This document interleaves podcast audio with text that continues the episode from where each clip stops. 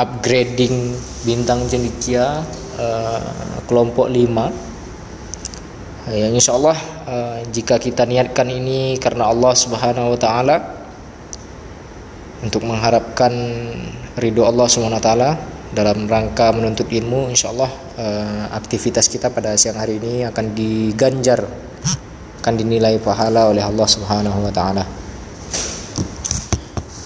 Kemudian uh, tidak lupa pula kita bersalawat kepada Nabi Muhammad sallallahu alaihi wasallam dengan lafaz Allahumma salli ala sayyidina Muhammad wa ala ali sayyidina Muhammad. Assalamualaikum ya Rasulullah.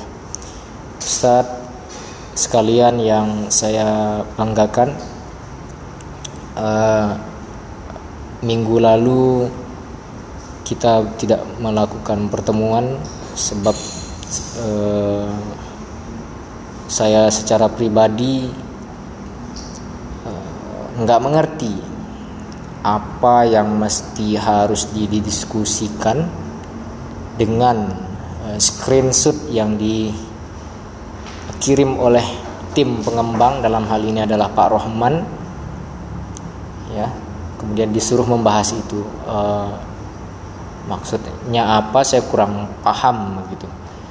Mungkin kalau kita ambil uh, pelajarannya, ambil sarinya gitu ya.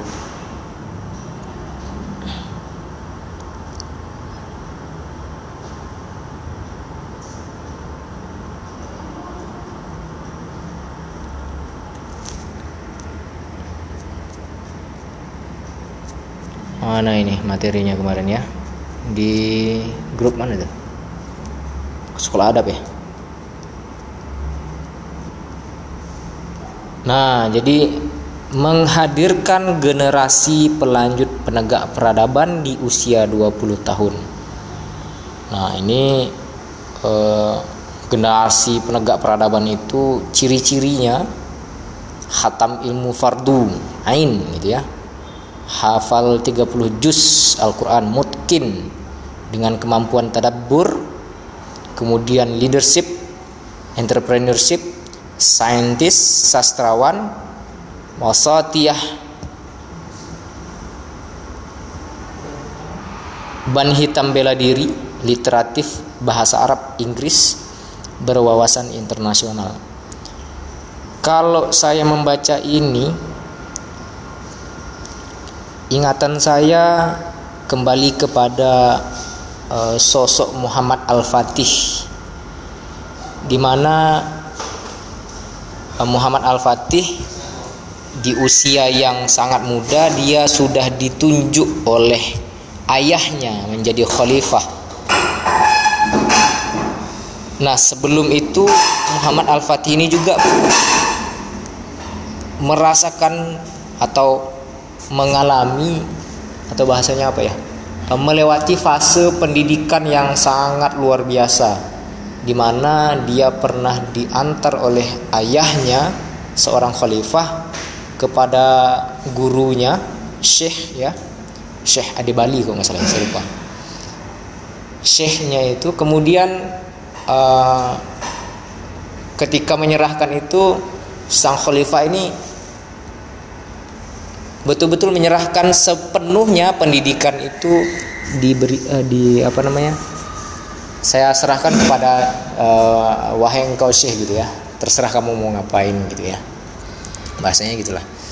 Nah ya sebagai anak khalifah ya putra mahkota gitu ya kemudian diserahkan kepada seorang ulama eh siapa ini gitu kan? Ya, karena dia masih budak masih kecil sekali.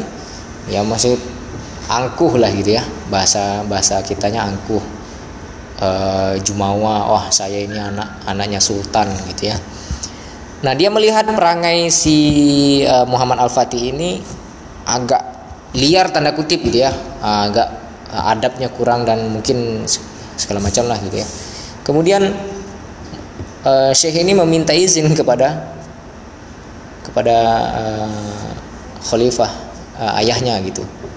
Ini saya didik dengan cara saya. Akhirnya dia memukulkan uh, memukul Muhammad Al-Fatih itu uh, dengan pukulan yang penuh rahmat ya bukan penuh kebencian gitu ya sehingga Muhammad Al-Fatih uh, mau mengikuti proses pembelajaran bersama uh, Syekh itu gitu. Nah, uh, ini fakta sejarah yang ada di masa kejayaan Islam. Tentunya uh, masa ini kita akan mengalami sangat uh, akan mendapatkan kesulitan yang sangat luar biasa jika uh, metode pendidikan yang kita ajarkan kepada anak-anak kita itu yaitu metode-metode sekuler gitu. Anak tidak boleh diapa-apakan misalnya gitu ya. Pokoknya dituruti saja. Nah, itu akan agak agak sulit. Bahkan ada beberapa sekolah itu ya, anaknya nggak boleh dicubit nggak boleh dimarah gitu ya. Nah, ini kan ini bahaya gitu. Padahal di dalam konsep Islam ketika umur tujuh tahun ya anak itu jika tidak mau melaksanakan sholat diingat diingatkan. Nah, ketika umur 10 tahun dia harus di, dipukul. Memang pukul ya pukul tapi tentu harus ada kadarnya bukan pukul dalam artian emosi seperti kalap gitu ya bukan ya.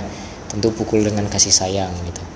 Nah ini ada standarnya. Tapi kalau kita mengacu kepada kepada pendidikan barat wah itu nggak boleh. Udah melanggar hak asasi anak gitu ya. Nah, nah ini bahaya gitu. Uh, jadi kalau kembali pada intinya adalah memang mau tak mau kita harus kembali kepada sistem pendidikan Islam di mana menyerahkan uh, pendidikan anak itu kepada yang ahli core of the core-nya gitu. Misalkan untuk belajar umi kepada uh, syekh yang ketiga nih kan. Pak Marzuki Pak Hardi uh, Pak Syam gitu kan. Nah itu pak memang pakarnya di UMI gitu kan UMI. Nah jadi untuk pakar olahraga mungkin eh, enggak saya ya. Saya enggak pakar. Untuk main bola boleh lah gitu ya. Ah ya so bidang. Jadi eh, memang ini ter metode pendidikan Islam itu seperti itu sebenarnya. Jadi menyerahkan pendidikan anak itu kepada yang memang ahlinya ah, ahli di bidangnya. Kemudian basic di umur di usia menjelang tujuh tahun itu dia harus clear dulu gitu. Seperti Imam Syafi'i kan dia seorang uh, yatim ya Imam Syafi'i kalau nggak salah ya. Kemudian ketika dia mau belajar itu kan dibekali oleh orang tuanya diingatkan betul dipesankan betul harus uh, taat gitu ya. Harus sami'na wa dengan guru gitu ya nggak boleh nggak boleh ini mencari mencari berkahnya lagi tuh bahasanya gitu kan. Itu kan memang dipesankan oleh orang tuanya. Nah ini yang mungkin uh, kita juga mungkin kadang-kadang lalai gitu ya sebagai orang tua uh, untuk mengingatkan kepada anak-anak bahwasanya penting menghargai seorang guru begitu. Ini mungkin uh,